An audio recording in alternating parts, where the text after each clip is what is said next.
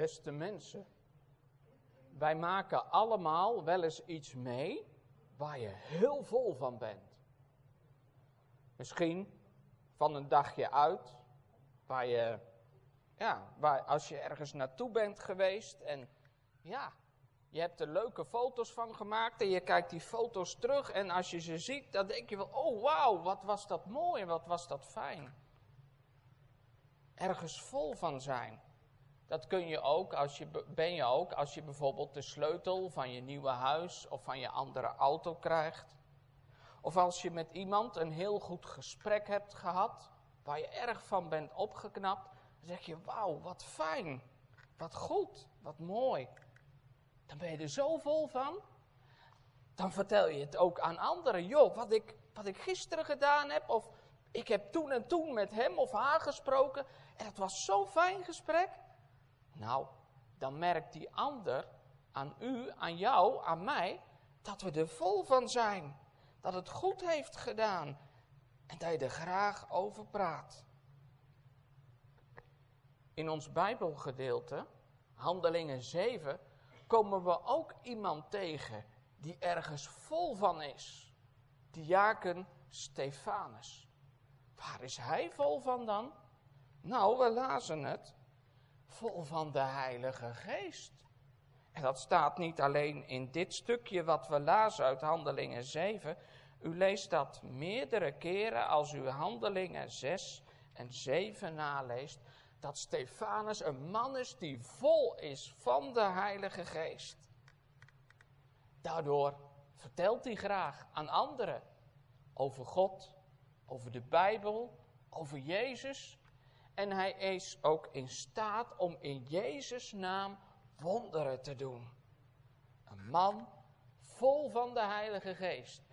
Daar ging wat van uit, mensen.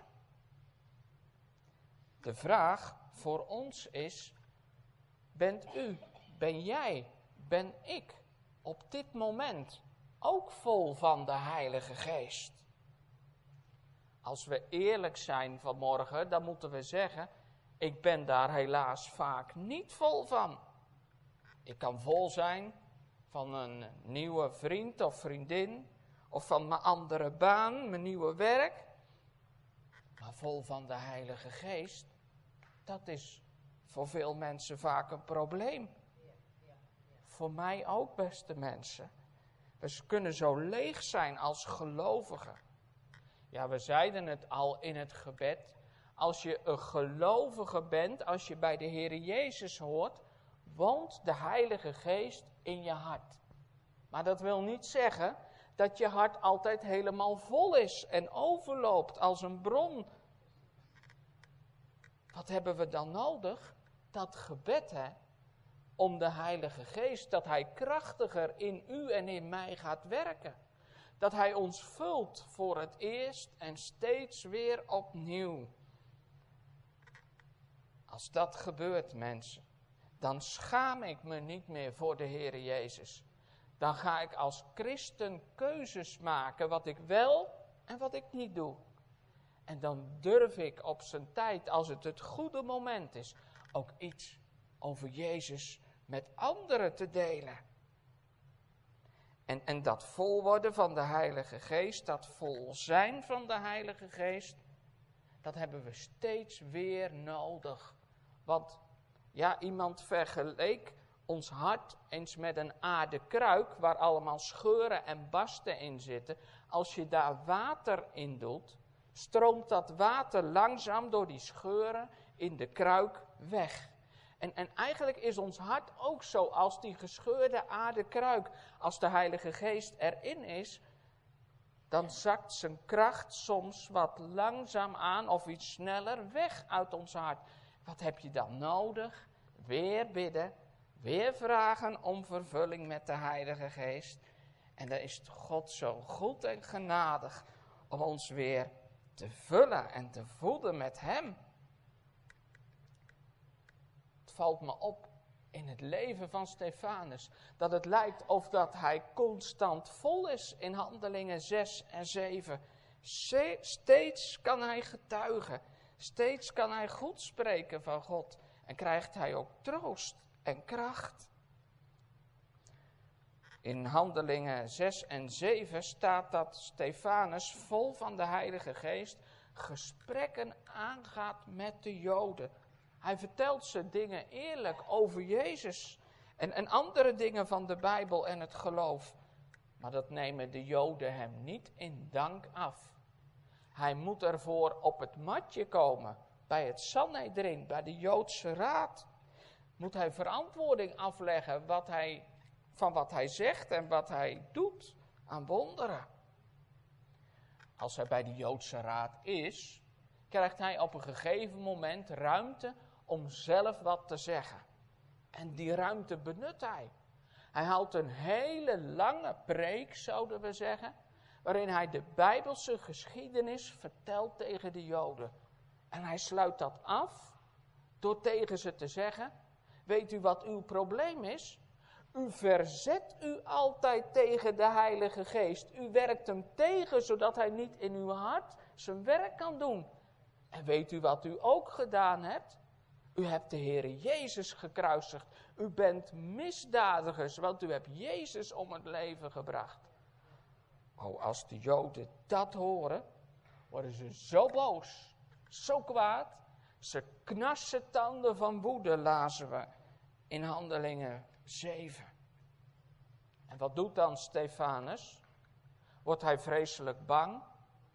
Kijkt hij naar de grond als de Joden zo boos tegenover hem staan? Nee, vol van de Heilige Geest kijkt hij omhoog naar de hemel, naar de plaats waar Jezus woont. Hij richt zijn aandacht op de Heer Jezus. Aandacht richten op Jezus. Wat is dat als je je aandacht ergens op richt? Toen wij vanochtend met z'n drieën hier naar Ude toe kwamen, reed ik in de auto, had ik het stuur in handen en was mijn aandacht gericht op de weg. Want ja, er kan van alles gebeuren en automobilisten halen soms malle toeren uit en dan, dan moet je op je hoede zijn, scherp zijn. Mijn aandacht was gericht op de weg. En we zijn dankbaar dat we hier veilig kwamen, net als vele anderen. Maar zoals mijn aandacht op de weg gericht was, zo is eigenlijk bij Stefanus vol van de geest zijn aandacht gericht op Jezus. Op Jezus in de hemel. Nu boze mensen tegenover hem staan, denkt hij aan Jezus, aan zijn meester. En de vraag voor ons, voor u, voor mij is, wat doen wij als mensen boos op ons zijn? Als mensen lelijk tegen ons doen? Als, als, als ons iets ergs overkomt? Doen wij dan boos terug? Kruipen we in onze schulp bang weg? Of richten we onze aandacht op Jezus? Dat laatste is het beste wat een christen kan doen. Wat ieder mens kan doen. Aandacht op Jezus richten. Een Engels lied dat zegt: Turn your eyes upon Jesus. Look full in his wonderful face. Richt je ogen op Jezus. Kijk naar zijn wonderlijke, naar zijn liefdevolle gezicht. En, en, en als je in het gebed en door Bijbellezen je richt op Jezus, dan kan de pijn, het verdriet wat je meedraagt, de boosheid die je van andere mensen ervaart, kan zomaar minder worden voor jezelf. Omdat je je oog op Jezus richt. Stefanus richt zijn oog naar de plaats waar Jezus is. En dan mensen, dan, dan ziet hij iets wat zo bijzonder is. Ja, er zijn niet zoveel mensen die dat mogen zien. Maar Stefanus die ziet het op dit moment nu die bij die boze Joden staat. Want wat ziet hij? Het lijkt of er een soort gordijn wordt weggeschoven in de hemel. En dat hij in de hemel kan kijken. Vanaf de plaats waar hij staat hier op aarde. En wat ziet hij? De heerlijkheid van God. En hij ziet ook Jezus met zijn gewone ogen in de hemel staan. Stefanus ziet de heerlijkheid van God. Bij, bij heerlijkheid van God mogen we denken aan hemels licht. Dat licht wat om God heen is. En, en, en, en dat heerlijke hemelse licht, dat heeft al eens vaker op aarde geschenen. Misschien weet u het wel. Lucas 2 is een heel bekend Bijbelgedeelte, de geboorte van Jezus in Bethlehem. Wat zagen de herders toen, toen Jezus geboren was? Er staat in Lucas 2, de heerlijkheid van de Heere omscheen, omstraalde hen. En datzelfde hemelse heerlijke licht, dat ziet Stefanus ook. Ja, hij ziet nog meer. Hij ziet ook Jezus zelf staan. Heel vaak in het Nieuwe Testament, als het gaat over Jezus die in de hemel is, wordt er in de, in de brieven in het Nieuwe Testament gezegd dat Jezus in de hemel zit. Maar hier bij Stefanus staat dat Jezus staat. Wat houdt dat in? Wat kan dat betekenen dat Jezus hier staat? Zitten kan een rustende, afwachtende houding zijn, passief zijn. En staan, dat heeft iets actiefs in zich. Rechtop staan, dan, dan, dan bekijk je iets, dan kijk je ergens naar, dan is je aandacht daar sterk op gericht. En, en, en, dat is eigenlijk wat er hier gebeurt bij Stefanus. Nu hij bij die boze Joden staat. Jezus gaat erbij staan. Jezus houdt Stefanus in het oog. En voor Stefanus is het een geweldige bemoediging dat hij daar Jezus ziet staan. Hij wordt bemoedigd. Een buurvrouw, een paar huizen verderop bij ons, heeft in de afgelopen dagen in het ziekenhuis gelegen. Ze was heel erg ziek. Toen hebben we een kaart gestuurd om haar te bemoedigen. Om tegen haar daarmee te zeggen van buurvrouw, we vergeten je niet hoor. We denken aan je. Eigenlijk gebeurt hetzelfde hier bij Stefanus. Nu hij het zo moeilijk gaat krijgen, want zijn levenseinde komt eraan, krijgt hij ter bemoediging Jezus te zien. Jezus die staat, Jezus die hem in het oog houdt. Wat is dat heerlijk. Wat is dat bemoedigend en vertroostend als je Jezus ziet. De meeste gelovige mensen zien Jezus niet met hun gewone ogen. Toch wil Jezus al zijn kinderen op aarde op zijn tijd ook bemoedigen. Al zien wij hem misschien niet omdat de lucht en de wolken en de zon ervoor zitten, het doek, het, het gordijn van de hemel voor onze ogen dicht is, toch mogen we weten dat Jezus ons ziet. En hij wil ons bemoedigen. In de kerk, als je je Bijbel leest, als je bidt, als je een lied zingt, of als je deelneemt aan het heilig avondmaal, dan kan Jezus zomaar spreken tot je hart. Een woord, een tekst, dat je bemoedigd wordt, waardoor je weer verder kunt. Ook als het leven moeilijk en zwaar is. Als je ziekte hebt, ouderdom hebt, als je pijn hebt, als je moet lijden vanwege het geloof. Jezus zegt, ik ben erbij. Ik ben die ik ben, is mijn eeuwige naam. Zo maakte de Heere zich bekend aan Mozes bij de brandende braamstruik. En, en ja, zo is de Heere er nog steeds bij. Al zie je hem niet, je kunt het in je hart wel ervaren en voelen. Ja. Wat zou dit met Stefanus gedaan hebben? Nou hij de heerlijkheid van God zag en, en, en, en Jezus zelf. Ja, u kent misschien het spreekwoord wel, waar het hart vol van is, loopt de mond van over. Als je ergens heel vol van bent, dan vertel je het graag aan anderen. En dat doet Stefanus ook. Ondanks dat hij tegenover boze Joden staat, die op scherp staan, zegt hij tegen ze wat hij gezien heeft in de hemel. Ziet, ik zie de heerlijkheid van God en ik zie de zoon des mensen staande aan de rechterhand van God. O, die Joden, als ze dit horen, worden nog bozer, nog kwader. Ze begrijpen drommels goed wie Stefanus bedoelt met de zoon des mensen. Dat is die Jezus die ze gekruisigd hebben, waar ze dachten, daar zijn we vanaf. Maar wat niet zo blijkt te zijn. En, en als nou Stefanus ook nog durft te zeggen dat die Jezus, die in hun ogen verachtelijk is, in de hemel is bij God, dat vinden ze godslastelijke woorden.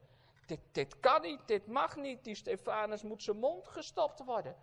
Ze pakken hem ruw beet. Ze stoppen hun oren toe, zodat ze Stefanus niet meer horen getuigen. Ze sleuren hem bij de Joodse raad vandaan, de stad uit. En dan doen ze iets heel ergs. Ze gaan naar een hoogte toe, misschien een steile bergwand. En daar laten ze het lichaam van Stefanus naar beneden vallen. Op de grond blijkt hij niet overleden te zijn. Wat gebeurt er dan? Dan komen er twee of drie valse getuigen die om de beurt een steen gooien op het lichaam van Stefanus. Stefanus weet, dit wordt mijn dood. Stefanus is een martelaar. Iemand die vanwege het geloof moet lijden en sterven. Wat doet Stefanus onder al die pijn die hij ervaart, van zijn val naar beneden en van de stenen op zijn lichaam? Wat doet Stefanus? Het beste wat je dan kan doen, hè? Bidden. Bidden tot Jezus. Heere Jezus, ontvang mijn geest. Wat zegt hij? Heere Jezus, wilt u mij alstublieft tot u nemen? In uw heerlijkheid. Ik kan niet meer. Ik weet het niet meer. Neem mijn ziel tot u. Als wij dicht bij ons levenseinde gekomen zijn, of we nu jonger zijn of ouder, dan mogen wij dit meebidden hè, met Stefanus. Heere Jezus, ontvang mijn geest. En als je dat bidt met een eerlijk hart, zou Jezus dat dan niet verhoren? Als Stefanus dit gebeden heeft, komt hij vervolgens op zijn knieën terecht. We weten niet of dat, dat bewust gebeurt, want als hij dat bewust deed, is dat een Joodse houding om te bidden. Het kan ook zijn dat hij door die stenen en de pijn zijn lichaam op de knieën terechtkomt. We weten het niet zeker. Wat we wel weten, is dat hij opnieuw bidt. Een bijzonder gebed. Heren, reken hun deze zonde niet toe. Wat is dat? Je zou verwachten dat Stefanus gaat bidden voor zichzelf. Maar dat doet hij nu niet. Hij bidt voor zijn vijanden. Voor mensen die hem willen doden. Als wij bidden, willen we vaak wel bidden voor familie, goede vrienden, maar bidden voor een vijand, voor iemand die ons het leven zuur maakt, bidden wij daarvoor? Stefanus, die doet dat. Ja, zegt u, hoe kom je zover om net als Stefanus te bidden voor je vijand? Moet je hart vol zijn hè, van de Heilige Geest. En je ogen, je hart gericht op Jezus. Dicht bij Hem leven dan geeft de Heere God je kracht om te bidden voor je vijand. Er is een Oekraïense dominee en die heet dominee Vinogradsky. Dominee Vinogradsky was op de vlucht. Ik weet niet waar hij op dit moment is, maar hij is een poos in Nederland geweest omdat hij gevlucht is uit Oekraïne voor, voor al het geweld en de dreiging vanuit Rusland. Wat doet dominee Vinogradsky elke dag? Bidden voor Rusland, voor Poetin, voor zijn vijanden. Bidden. En, en zou dat wat uithalen? Want de oorlog duurt al zo lang. Ach, laten we het maar overgeven in Gods hand. Op zijn tijd doet hij er wat aan. Ja. Wij mogen net als Stefanus en als dominee Vinogradski bidden voor vijanden. Misschien hebt u in de straat waar u woont een hele lastige buurman of buurvrouw. Misschien heb jij op je werk een hele vervelende collega. Misschien heb jij op school een klasgenoot die je pest of plaagt. Je altijd dwars zit. Bid ervoor. Tot God. Want God wil daar wat mee doen. Ja, zegt u, is dat zo? Zou dat gebed van Stefanus vlak voor zijn sterven iets uitgehaald hebben? Heeft God van iemand de zonde vergeven waar Stefanus hiervoor bad? Zeker weten. Let dan maar eens op Saulus van. Want Saulus van die was bij de steniging van Stefanus. Hij bewaakte de kleren van degene die een steen op Stefanus gooide. En, en er staat in hoofdstuk 8 vers 1 dat, dat Stefanus een behagen had, een vreugde erin vond, dat Stefanus gedood werd. Saulus was toen een vijand. Maar wat gebeurde met Saulus toen hij op weg was naar Damascus? Toen hield God hem tegen en hij zei, ho vriend, niet verder. Ik ben Jezus die je vervolgt. En toen vergaf de Heere God, de Heere Jezus, wat Saulus verkeerd had gedaan bij Stefanus en bij andere dingen. Het gebed van Stefanus werd verhoord in het leven van Saulus. Daarom mensen, laten we volharden in het bidden voor je vijand. Stefanus, hij krijgt zoveel stenen op zich en hij heeft waarschijnlijk ook al zoveel letsel opgelopen van die val van de hoogte naar beneden, dat hij gaat sterven. De Bijbel noemt het heel mooi ontslapen. De Bijbel zegt, Stefanus, als hij sterft, gaat ontslapen. Want, want zijn lichaam gaat slapen in het graf tot het moment dat Jezus terugkomt op de wolken. En zijn ziel mag naar God toe, naar Jezus toe, waar hij zo naar verlangt. Ik moest denken aan Psalm 43, vers 4, bij dat sterven van Stefanus en bij zijn ziel die naar de hemel gaat. Van hem geldt, dan ga ik op tot Gods altaren, tot God, mijn God, de bron van vreugd. Dan zal ik juichen, stem en snaren, ten roem van zijn goedheid paren, die na een tijd van lijden, een moeilijke periode, mij eindeloos verheugt. Wat is Stefanus nu gelukkig? Nu is hij bij Jezus. Nu hoeft hij nooit moeite meer te doen om zijn aandacht op Jezus te richten. Het gaat vanzelf. Hij dankt Jezus volmaakt en voor altijd. En is gelukkig omdat hij bij zijn meester is. De vraag voor u, voor mij, voor jou is: gaat onze ziel bij ons sterven ook naar Jezus toe? Om met Stefanus bij Jezus te zijn. Als je dat niet zeker weet, vlucht dan vandaag nog naar Jezus toe. Leg je leven, je zonden in zijn handen neer en laat je door hem redden. En als u zegt, ja, daar mag ik naartoe. Misschien over niet al te lange tijd al.